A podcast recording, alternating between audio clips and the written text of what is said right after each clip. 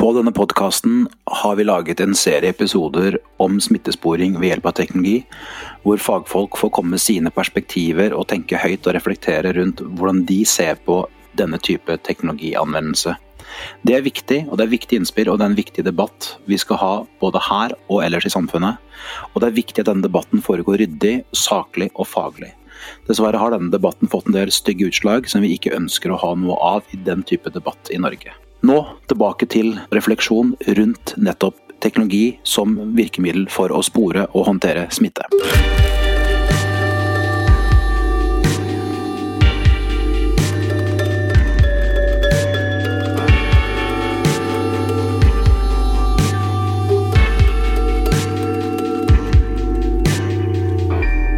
Waterhouse, en podkast fra Rebel. Pga. situasjonen vi er i, pga. pandemi, pga. usikkerhet rundt hvordan man skal håndtere det, så ser vi rundt i verden at det settes i gang initiativer for å forsøke å spore smitte, varsle folk om de har vært i kontakt med smitte. Vi ser fysiske tiltak. Den første døra på bussen, i, på bussen i Oslo er ikke mulig å åpne eh, på min matbutikk, den nærmeste matbutikken. Jeg har jo ikke noen egen matbutikk, men likevel. Så er det store pleksiglassvinduer mellom oss kunder og de som sitter i kassa. Det er mange tiltak hvor vi bruker eh, for så vidt teknologi alt sammen for å forsøke å håndtere smitten best mulig. Og så har det kommet tjenester, i hovedsak apper, som brukes til å spore bevegelse og hvordan vi har kontakt med hverandre. Og det er en del forskjeller på hvordan dette gjøres rundt i verden, selv om formålet i all hovedsak er det samme for å snakke om de forskjellige modellene rundt i verden. Både de konkrete appene som noen land har valgt, og en del andre initiativer som er på gang. Så har vi fått med oss Johannes fra Soprasteria.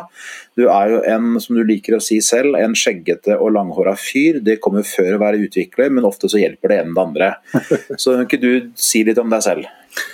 Ja, jeg, jeg heter da Johannes Brodvall og har jobbet 20 eh, år med å trykke på knapper på datamaskiner og få eh, lys til å skinne på skjermen.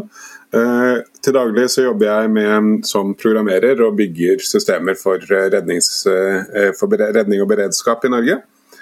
Og når jeg da har tid til overs, og det har vi alle fått litt nå under koronakrisen, så har jeg brukt mye av tiden på å prøve å forstå alt det som beveger seg av um, smittesporingsapper rundt hele verden. Ja, og når du sier alt som beveger seg og rundt i verden, så, mm. så underbygger jo det vi, det vi, snakket om helt innledningsvis, at det er mye på en gang. Og vi er jo vant til at Når vi begynner å se litt på teknologi og hvordan det brukes rundt i verden, så ser vi forskjeller. Mm. I Norge så er vi, og Europa så tenker vi f.eks. veldig mye vern av personen og av individet og den enkeltes integritet og frihet. Mens i andre deler av verden og andre land så bruker man data om mennesker mye mer fritt og åpent. Noen steder så er vi opptatt av sikker, andre steder så er man ikke så opptatt av sikker. Det er betydelige forskjeller mm. på hvordan man gjør ting, og kanskje ofte overraskende mer større forskjeller enn det man skulle tro, men som igjen kommer fra tradisjon, kultur, historie regulering og mer. Så når du har sett rundt i verden, da, du har vært litt sånn type Jules Verne, du har reist rundt i verden på 80 dager. Uh, enda kortere kanskje, faktisk, med tanke på at det er i løpet av den koronaperioden. Hva har du sett? Hva har du funnet? Uh, vi kan jo se at overordnet så er det jo to teknologiske måter man sporer kontakt på. Det ene er via GPS, uh, og det andre er via Bluetooth. Så Det ene er ved å se hvor har du vært, og hvem andre har vært på de samme stedene som du er. Og det andre er ved at telefonene snakker med hverandre, og da prøver å finne ut hvem som, hvilke andre telefoner som har vært i nærheten. Norge er ganske unikt, eh, i hvert fall på det som er innført, med det at vi prøver å bruke begge deler. Mens da de fleste eh, landene de bruker én av valgene. Det andre stemmer, ja. ja bare sånn, ta kjapt det, for det betyr at det er i hovedsak så er det jo da GPS som sier noe om hvor er det du befinner deg geografisk. Ja. Og så er det Bluetooth som, som, kan brukes til å si hvem andre er det du har kontakt med. Er du nære nok til at, til at, utstyret du bærer rundt kan se de andres utstyr. Nettopp. Og det er to veldig forskjellige måter å nærme seg og forfølge folks bevegelser på. Ja, Vi kan jo ta et sånt eh, eksempel som tydeliggjør hvor, um, hvor forskjellig de kan brukes også. da. Eh, den, en av de tidligste appene til å bli lansert er Island sin. Den heter eh, Rakning. og Det betyr sporing på islandsk. Så da har vi lært oss et islandsk ord. Veldig bra. Um, og den bruker GPS. Um, slik som da den beskrives, så er det eneste den egentlig gjør, er å ta vare på på telefonen spor for hvor du har vært. Så den, den, holder, den logger hele tiden hvor du går. Eh, og når du da eh, får påvist smitte, eller hvis forhåpentligvis du får påvist smitte, så har du en konsultasjon med en lege eller en, en profesjonell på dette, um, som da skal prøve å finne ut hvem er det du har vært i kontakt med. Og da uh, får de da Med ditt samtykke så kan de se på loggen din, og så kan du si ja, vi ser at du var på den kafeen på dette tidspunktet, kan det stemme? Hvem var det du traff der? Og så sier man å ja, der var jo Torgeir, ja. Han burde vi jo sjekke om han blir smittet. Eh, så i dette tilfellet så trenger faktisk ikke appen uh, å se andre brukere i det hele tatt. Altså, det er tilstrekkelig at den som var, er smittet, har hatt appen uh, med seg. Um, og, uh, ja, det, det, betyr da altså det man gjør da, er at man vet, fordi man har GPS-basert system, så har man en logg over hvor uh, du f.eks. har beveget deg rundt. Og kan gå tilbake og se på den. Og så kan man se ok, greit, dette er disse x antall siste dagene, har du vært på disse stedene? Da bør vi gjøre noe og prøve å finne ut av hvem andre som har vært på de stedene. Nettopp. Og i det tilfellet her så er det bare for å understøtte den helt manuelle eh, smittesporingsprosessen. Slik at det er ikke noe automatikk i å finne de brukerne som har vært i nærheten. Det er bare at man da sier at man bruker det egentlig for å hjelpe den smittede å huske bedre eh, hvor de har vært. Mm. På mange måter, altså ja. Litt type sånn beslutningsstøtte, egentlig. Lavterskel og bare sånn Dette er en logg. Nettopp. Se her. Så den er jo en en veldig lavteknologisk um, teknologi, hvis man kan si det. Uh, og eh, Også en bemerkelsesverdig ting er jo da at Island har den høyeste oppslutning i brukere. De har 40% sier det at går med denne appen på Island per dag. Og Det er mye høyere enn noen andre land, eller alle andre land har med sine apper. Mm. Det er et poeng kanskje å huske på da, at det er, det er i hvert fall ikke utenkelig at det at det bor bare sju stykker på Island, det... kan virke inn på den prosentandelen. sånn at uh, det er bare tre som det er umulig å ikke, ikke, kjenne alle de som ikke har altså, Du får en annerledes dynamikk i befolkningen enn et land som er noe større, ikke veldig mye større, men, men f.eks. Norge. Ja, så det er helt klart et, um, en, en, viktig um, eh, faktor der. Og eh, Et annet land som har vært ganske mye i eh, pressen i det siste, som kan være greit å nevne, det er um, Storbritannia. Storbritannia har jo valgt en Bluetooth-basert løsning. Ehm, men de har også fått en del kritikk for den Bluetooth-baserte løsningen. fordi at eh, den samler inn data til, ehm, eh, til, sentral, til, en sentral server og gjør matchingen med hvem du har vært i kontakt med på den serveren. Eh, det som er kanskje den mest spesielle tingen med Storbritannia, er at de har sagt at når du at appen kommer med en sånn selvdiagnostisering av hvorvidt du kan være eh, smittet av covid-19.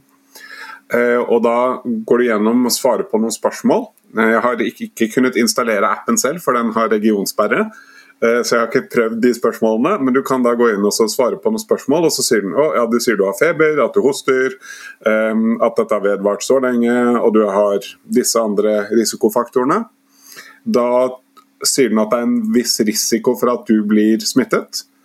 Eh, og Da skal appen for det første så skal den oppfordre deg til å gå og få en test. Og For det andre så skal den sende signal til alle du har vært i nærheten eh, av, og så si kan du holde deg innendørs nå.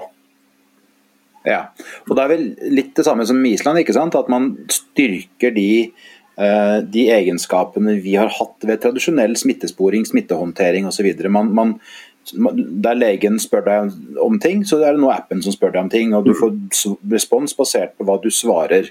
Og Så forsøker man igjen å se ok, hvordan har du hatt kontakt med andre, og hva kan man bruke dette til. Hvordan kan vi igjen bruke dette til å begrense smitten og gi varsel til folk som trenger varsel. Eh, og, eh, og, så er det jo så begynner jo Med en gang vi starter med den prosessen, så, så begynner man å se komplikasjoner. da, for det at eh, slik som appen i Storbritannia er blitt beskrevet, så kan folk eh, late som de har blitt smittet. Så det er eh, en viss mulighet for at folk kan fylle ut dette spørreskjemaet, og så eh, vil alle som de har vært i kontakt med få et varsel om at de har blitt smittet, og så blir det litt forstyrrende for, for folk som kanskje ikke burde fått det varselet. Ja, og Da er vi inne på noe av det som jo er fascinerende med hvordan vi mennesker bruker teknologi. At vi er flinke til å leite etter måter å, å lure den på, eller trolle den på, eller uh, trolle andre med den osv. Minner meg for så vidt om hvordan det var en periode for en tid tilbake var sånn at søkte du på 'idiot' på Google, så fikk du bare bilder av en folkevalgt i et stort land. Fordi folk hadde tagga bilder og gjort ting for å få det til å se sånn ut. og Dette er jo på en måte litt det samme, og som vi også har sett nå i koronaperioden, ikke sant? hvor man snakka om Zoom-bombing, hvor folk har gått inn på videomøter som de egentlig ikke skulle vært på. Ja. Så, og, og, Dette er jo et eksempel på, på hvordan man må tenke helhetlig i disse løsningene. Hvordan unngå utilsikta konsekvenser. Ja. Um, og Der er jo uh, et um, annet initiativ som, som tar den uh, utfordringen alvorlig, og også tar utfordringen til uh, med sentral matching av um, kontakter alvorlig. Det er den løsningen som først har blitt annonsert eller lansert i Sveits og Østerrike. Og Løsningen teknologisk kalles The Decentralized Privacy Preserving Proximity Tracer-prosjektet, eller da DP3T for, eh, for blant venner. Ja, og Da snakker vi selvfølgelig blant IT-venner, ikke vanlige venner. fordi vanlige venner som vil hverandre vel, ville jo aldri funnet på det navnet. Verken selve navnet eller forkortelsen. Men når det er sagt, så er det eh, en eh, positiv, sånn, en vennlig ting med eh, DP3T-prosjektet at de bruker tegneserier med kaniner for å informere befolkningen om hvordan løsningen fungerer. Så, så man, tenker, man, tenker, i hvert fall litt på hvordan løsningen oppleves. da. Ja, så, så det, Da er det svaret på det generelle problemet med, med å formidle teknologi. Du bare lemper inn kaniner, og så løser det seg. Men ok, greit. Men ok, Disse, disse sveitserne da, med kaniner, hva er, det, hva er det de gjør som, som, du sier adresserer utfordringene med bl.a. sentralisert lagring? Eh, det de gjør er at uh, når, når, du bruker en slik app, så trenger du ikke å registrere deg eller på noen annen måte da, oppgi personopplysninger. Så appen begynner å fungere med en gang. Og det appen gjør, at den tar og Eh, kringkaster et signal, eller en kringkaster en identifikator. Og den identifikatoren eh, lever relativt kort, eh, og der vil det variere når man finner ut hva som er en passe intervall, så kanskje 15 minutter før du da får en ny identifikator. Og alle andre telefoner registrerer da hvilke identifikatorer de ser. Når jeg får påvist smitte, så For det første så er det slik at disse løsningene vil fungere slik at når du får påvist smitte, så må du da få det bekreftet av en, eh, av en helsearbeider. Og så får du en kode som du kan bruke for å laste opp hvilke identifikatorer er det du har um, kringkastet. Altså, ja, så jeg, jeg, for Du sa identifikatoren ble skiftet. så det er litt ja. som at Hvis jeg har et navn jeg bytter hvert kvarter, eller får nytt skilt på bilen min hvert kvarter. Ja. Og så når jeg blir smitt, bekrefta smitta, så, må, så, går jeg inn i min telefon og gjør noe som gjør at jeg kan finne ut okay, hvilke identifikatorer som representerer meg, er det jeg har, har fortalt omverdenen om i den perioden som er aktuell å se på. Stemmer. Um, de lastes da opp til en server, og da kan alle andre telefoner laste ned dine identifikatorer. Eh, og så eh, sammenligner man da de identifikatorene med hvilke identifikatorer du har sett eh, når du har gått rundt med din telefon, og så vil du da få et lokalt varsel på din telefon om du har blitt smittet. Mm. Og I den sammenhengen så vil jo da de sentrale komponentene i løsningen her, den vil jo da um, ikke lagre noe personinformasjon. Det eneste du vil lagre er um, informasjonen om hvilke identifikatorer som en smittet har um, har sendt ut. Og da, når du har et sett med identifikatorer, så vet du ikke om det er fra samme eller forskjellige personer. Uh, og uh, så vil da spørsmålet om da du har vært utsatt for smitte, det vil kun oppdages på din telefon igjen. Ja, sånn at uh, Når man da får opp en liste som du sier, over disse identifikatorene, så ser man ok, disse her representerer noen som har vært smitta. Mm -hmm. Eh, hvis noen har vært i kontakt med disse, så må de sjekke seg. Ja. Og så, men så får man ikke vite hvem de er, og du vet ikke om det er én person som har talt sammen, eller om det er 50 forskjellige folk som har hatt de identifikatorer. Du bare vet at OK, ja, har jeg tangert noen av disse her, sånn, så må jeg gå og sjekke meg. Og så er det noen tekniske sånn, detaljer oppi det. sånn at eh, det, Du har faktisk da færre identifikatorer enn det vi har, for det er noe krypto-greier som brukes for å gjøre dette mer effektivt. Men det, men det, er, det er ikke så viktig for å forstå løsningen. Nei, og her, og her, er jo en av utfordringene man snakker om sånne ting. fordi at uh, En del av oss som er glad i å diskutere teknologi, kan fort ende opp med å holde på i det uendelige. Så ja, men det er likevel så er det en detalj helt der borte. Som hvis alle planetene står på rekke, det er onsdag og det flyr fem måker over huset. Da, da er det krise der. Men eh, det er en sånn reell eh, problemstilling oppi dette her. og det er jo at um, Siden du ikke trenger å registrere den telefonen du har. Hvis jeg da lag, eh, kjøpte meg en ekstra telefon. Og så installerte jeg den appen og så la den i en busk utenfor huset ditt. Hvis da den telefonen får beskjed om at den er blitt smitta, så vet jeg jo at det, kan, at det var du som var syk. Er det noen som gikk inn eller ut eller var i mitt hus som var syk? Det stemmer. Men, men ja. man har da noen sånne måter hvor man liksom kan prøve å angripe da en person som kanskje kommer til å bli syk, og så få vite om det. Mm. Eh, men hvorvidt Men men til, til, en viss grad så er det nesten uunngåelig hvis man skal ta smittevern på alvor. Ja, og, og, Det er noe av utfordringen. at Det vil alltid være måter å komme rundt og trolle det på. Det er jo litt sånn kan man jo tenke seg at eh, det kunne kanskje vært mer effektivt å bare henge ut der for legekontoret da, og se hvem som gikk inn og ut der, enn å, enn å plassere telefoner hjemme hos de man ville passe på eller overvåke. Eller for den del om, om ok, driver du og går hjemmefra til apotek, eller hva gjør du for noe. Så, så, så, på et eller annet nivå her så må jo selv de mest personvernorienterte akseptere at er du del av et samfunn, så kommer noen til å se deg. Og faktisk, så Om de ikke aksepterer det, så er jo da smittevernloven er Eh, er ganske eksplisitt på at eh, du er pliktet til å oppgi til myndighetene hvem du har kunnet smitte av en smittsom sykdom. Og den, den, eh, plikten er faktisk sterkere enn taushetsplikt i en del tilfeller. Men da er jo Og da kunne du jo gjort det samme angrepet da eh, på et personlig nivå istedenfor. Så hvis jeg sier jeg, jeg, eh, ser, jeg vil ikke oppholde meg i nærheten av noen andre personer enn Torgeir, eh, og gå og holde ham i hånda hele dagen. Og Hvis jeg da blir syk, så vet jeg det var Torgeir som smittet meg. Ja. Ja, nei, men da, Eller motsatt, da. Nå For nå utelukker du snart at det er jeg som blir syk. det, det vil, Jeg antar at smitten kommer fra deg, ja. ja. Men da har vi altså da har vi, da har vi en i det prosjektet der, i Sveits, eh, med kaniner, så har vi en annen tilnærming enn vi har sett da på Island og i England. Mm. Men det er flere. Ja, um, men uh, det jeg tenkte også uh, Ja, altså det er, det er, flere, og der har du jo hatt um, uh, Singapore f.eks. har en modell som så vidt jeg har sett minner en del om um, Sveits sin modell. Um, Østerrike følger Sveits, og Tyskland har nettopp gått over til å følge Sveits etter at de da tidligere hadde en modell som var nærmere Storbritannia sin. Frankrike holder på den samme modellen som Storbritannia. India har en litt Jeg har ikke sett på de tekniske detaljene, men de har en ikke-teknisk forskjell som er litt interessant. og det er at I praksis så er det påbudt å installere appen, så du kan da risikere eh, bøter eller andre eh, sanksjoner hvis du ikke installerer appen. Um, men, men, hvordan gjør det, Betyr det at det er påbudt også å ha en smarttelefon? Jeg, jeg har ikke sett nok detaljer til å si det. bortsett fra, altså Jeg har sett at mange i India er sure.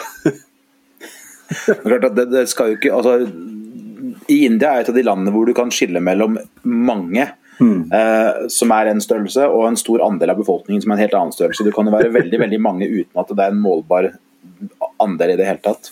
For øvrig så har det vel også i Polen en modell hvor du må, du må kunne ta selfie hjemme. Ja, eh, innen et visst antall minutter fra du får et varsel. Eh, det er jo ikke for sånn smittesporing, men for å sjekke at folk overholder karantene. Ja, men det som er et veldig viktig eh, ting å være klar over, er at eh, Bluetooth har jo noen teknologiske begrensninger.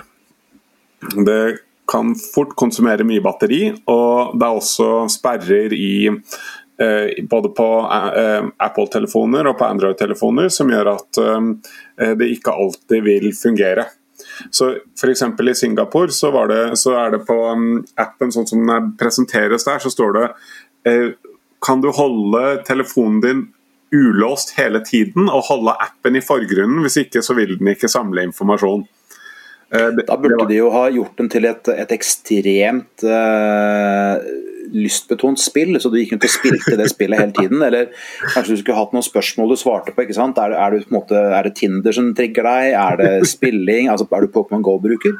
Altså, sånn at du på en måte fant en måte å holde folk aktive i telefonen sin hele tiden, på, i den rette appen. Så kunne de bakt den teknologien inn der. Det er vel et forslag som jeg ikke har hørt andre komme der. Det som, det som er et vanligere forslag å komme med, er at kanskje Apple og Google burde gjøre noe med, eh, med Bluetooth på telefonene sine, slik at dette ble mulig å få gjennomført i praksis. Men det gjør de jo. Det gjør de. Eh, og for um, det er vel en drøy uh, uke før vi tar opp dette her, så ble det da annonsert så annonserte Google og Apple betingelsene og en del tekniske detaljer for uh, sitt nye Exposure Notification API. Som da er en teknologi som helsemyndigheter i forskjellige land kan bruke for å, for å, få, for å implementere bedre smittesporingsappper. Ja, for du sa Exposure Notification API. Mm -hmm. Så da er du antagelig på IN-API, da, altså EN-API, og så snakker man om det igjen som det er opplagt for folk. Men det det i realiteten betyr, mm -hmm. er at du har noe funksjonalitet i operativsystemene mm -hmm. eh, på telefonene, så det ligger som er der tilgjengelig hele tiden, mm. som brukes til å, å, utveksle informasjon og varsle ved behov. Og mm. API er jo bare en forkortelse, selvfølgelig, siden det er IT dette her, mm. men som, som, man godt kan si at er et funksjonalitet i programvare for å, at, uh, at, man skal kunne snakke inn og ut av en f.eks. telefon. i det tilfellet her. Uh, og I dette tilfellet så er det jo da et uh, grensesnitt uh, som apper som da, eh, nasjonale helsemyndigheter kan bruke for å eh, få informasjon om eh, hvem telefonen har vært i nærkontakt med, eller hvilke identifikatorer eh, telefonen har vært i nærkontakt med. Ja, og Hvis vi virkelig skal pirke der, da, og ikke er på Polen hvor du må ta bilde av deg selv med telefonen samtidig, mm. så er det hvilke telefoner som har vært i nærheten av hverandre. Det stemmer. Ja. Uh, og uh, det, Dette API-et har da blitt utviklet på en måte som er ganske tett opp mot den løsningen vi snakket om i Sveits. Hvor du har uh, en veldig desentralisert løsning hvor man vet veldig lite om brukerne. og det er, det er, da en forutsetning som Google og Apple har satt til helsemyndigheter for at de skal kunne bruke det API-et.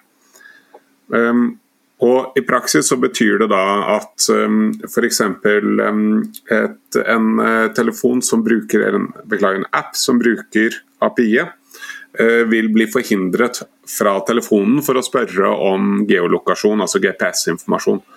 Så Google og Apple tillater ikke at én app henter inn begge de bitene med informasjon samtidig.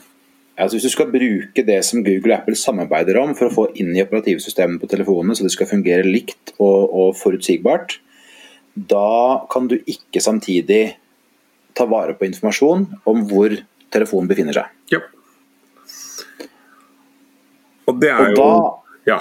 Ja, og da har vi en ganske interessant situasjon hvis vi ser til Norge, som vi ikke har snakket om ennå, men det som heter smittestopp i Norge. Mm -hmm. For der kombineres på mange måter alle disse variantene som vi har snakket om. Altså at vi både har Bluetooth i bruk for å se hvem er det man er i nærheten av, mm. og i tillegg samler en geolokasjon ved hjelp av GPS mm. for å kunne forske på og, følge smittesporingsmønster. Um, og Det som også er ganske unikt i Norge sin sammenheng, um, det er at all denne informasjonen blir samlet inn sentralt, ikke bare for de som er smittet, men også for de som ikke er smittet. Så Hvis vi så på den måten som jeg beskrev eh, Storbritannia sin løsning på, så er det først når du eh, diagnostiserer deg som smitte, at eh, dine identifikatorer, dine Bluetooth-identifikatorer blir lastet opp. Mens ja. I Norge så laster vi opp den informasjonen hele tiden. Um, Israel har en GPS-basert løsning som da egentlig fungerer litt etter samme prinsippet som, som de desentraliserte løsningene, at den lagrer eh, lokasjonsspor på telefonen, sånn som vi også så i Island. Men når du får påvist smitte, så laster du opp lokasjonssporene, slik at andre kan laste dem ned, og så matches de på andres telefon. Så da får andre automatisk varsel. Så jeg har faktisk installert den appen, den heter Hamagen. Jeg har installert den på telefonen, og jeg kan da eh, stolt si at jeg har ikke vært i nærheten av noen som har hatt eh, covid-19 i Israel. Nei, og så kan man jo spørre seg da om det er, sitter noen hos Mossad eller noe annet eh, hemmelig statlig organ i Israel og lurer på hvem er denne denne personen som driver og, og, og, og bruker appen i Norge. Det er faktisk det som er poenget, for det kan man ikke. Fordi, det kan man ikke. Nei, fordi siden jeg ikke har vært smittet, eh, så har jeg heller ikke lastet opp noe informasjon med denne appen. Og det kan jeg vite fordi denne appen var den første som eh, fikk kildekoden sin publisert offentlig. Så da Israels helsemyndigheter har publisert kildekoden for den appen, så jeg har vært inne og sett på den appen. og Jeg har sett, liksom, jeg har sett på alle steder hvor det gjøres nettverkskommunikasjon, og da kan jeg verifisere at den appen faktisk ikke laster opp eh, informasjon så den appen snakker ikke med noen om hvor du, eller din telefon, mm. befinner seg. Mm. Det som er interessant med dette her, er jo ikke bare at eh, det har skjedd mye veldig fort, for det har det jo. Og dette er jo en samtale det hadde vært helt absurd å se for seg å ha for et halvt års tid siden. Mm. Eh, da hadde vi antagelig diskutert er det mulig å se for seg noe sånt, og vi har vært enige om at det er det ikke. Vi, har, vi hadde sikkert referert til 1984 og mye annet, begge to. Og så er vi i en spesiell situasjon og så kommer det vi ser gang på gang, at når vi, får et, et, akutt problem, så tyr vi ofte til teknologi for å forsøke å løse det. Og, og, Det vi nå har sett, som du har dratt oss gjennom, Johannes, er jo at det er, selv om det på avstand og på overflaten ser ut som man gjør det samme, så løser man det likevel ganske forskjellig. Mm. Med ganske forskjellige implikasjoner både for hvordan det skal utvikles, hvilke muligheter man har, hvordan det skal driftes, og hva det betyr for sikkerhet, for personvern og for ganske mye annet. Uh, og, og, Det er jo ganske interessant å se i et sånt overordna perspektiv. og Det bety, må vel også bety at her kan man gjøre veldig mye samtidig læring, hvor det vil være viktig å se etter alle land, inklusiv Norge, og se hva er det vi tar ut av dette. Mm. Og hva er rammefaktoren og konteksten som gjør at man har valgt de forskjellige løsningene. Og Der er det jo ikke bare på teknologiske løsninger, men også hvordan eh, man tenker rundt personvern og hvordan man tenker rundt kommunikasjon. Så F.eks. i Storbritannia så har Eh, så har eh, det kommet ganske mye negativ eh, omtale av løsningene og planene. For grunner som kanskje ikke var velfortjente, men som da skyldtes dårlig kommunikasjonshåndtering. Mm. Og Det kan godt være at disse kaninene som Sveits lanserte, var utslagsgivende i kommunikasjonen som gjør at da Sveits og ikke Frankrike er tankeledende i hvordan nye smittesporingsapper utvikles. Ja, og så kan vi kanskje for, når vi ser til Norge også legge på at eh, det hjelper jo også å ha den graden av tillit som vi har til myndighetene i Norge. Det gjør også noe med hvordan man diskuterer dette, og hva man eh, antar eller mistenker eller påstår, eller hva det måtte være. Definitivt. Myndighetene gjør dette for. Fordi at, som vi nevnte, så er jo da Den norske løsningen er jo, eh, den samler informasjon om ikke bare de som er smittet, men også de som ikke er smittet. Og den samler ikke bare eh, Bluetooth-informasjon, men også GPS-informasjon. Eh, og Begge de faktorene er det ingen av de andre løsningene i verden, inkludert Storbritannia sin, som har blitt mye kritisert. Det er ingen andre som samler inn så mye informasjon om så mange. Mm. og det da At det ikke har vært en større debatt i Norge, er, er jo da et bevis på hvor mye tillit vi har til myndighetene i første omgang. Ja, og så er det en, en, faktor som også kanskje kan påvirke det. og det er at I Norge så har myndighetene også vedtatt det vi gjerne i teknologisammenheng kaller en sånn sunset clause eller sunset feature. eller, ja. eller hva det måtte være, altså Hvor man har vedtatt at disse dataene her er kun tilgjengelige eh, i en x periode.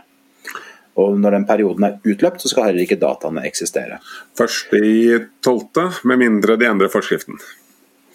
Det er jo selvfølgelig diskusjonen som, som også vil, kanskje, kanskje kommer. Jeg syns det blir veldig veldig spennende å se både det og hvordan disse forskjellige teknologisporene og løpene utvikler seg rundt i verden. Mm. Tusen takk, Johannes. Jeg er helt sikker kan vi rekke ja. en liten ting først? Bring it on. Det som er veldig spennende å se nå, det er å se funker det. For det var jo et, eh, et spørsmål vi var innom um, et, en kort stund, men bare så overfladisk på.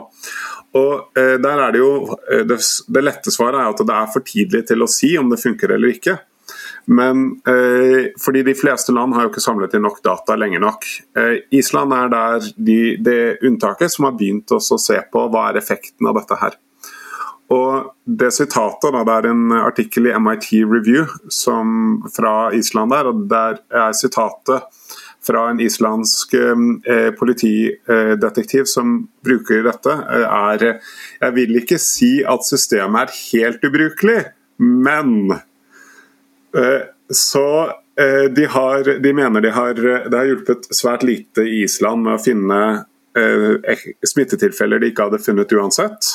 Eh, til tross for da en veldig stor oppslutning i befolkningen. Men naturligvis et lite land eh, og lite utbredelse av smitte. Så det er fortsatt for tidlig å si. Men vi kan i hvert fall si at eh, det er ikke bevist enda at det fungerer. Ja, og nettopp Det er jo noe av det vi kommer til å se i etterkant, og som det helt sikkert kommer til å bruke masse tid på å skrive artikler om, til å forske på, til sikkert bøker, dokumentarfilmer og serier. Masse podkaster som dette. Eh, om nettopp hva er det alt det vi har lært, alt det vi fikk til, alt det vi ikke fikk til, og hva var det som fungerte. Eh, og, og, og Det er noe av det som jeg syns gjør dette så spennende. og så ser bort fra liksom bakteppet her, men nettopp det at du har disse forskjellige prosjektene i de forskjellige landene med forskjellig mm. tilnærming, i forskjellig kontekst, for, veldig mye forskjellig. hvor vi får mye å se på og vurdere etterpå. Mm. Tusen takk skal du ha, Johannes, for en kjapp reise rundt i verden og de forskjellige blikk på noen av de forskjellige modellene som er der ute. Dette er jeg sikker på at vi kommer til å høre mye mer om i tiden som kommer. Takk skal du ha. Takk. Følg med i neste episode.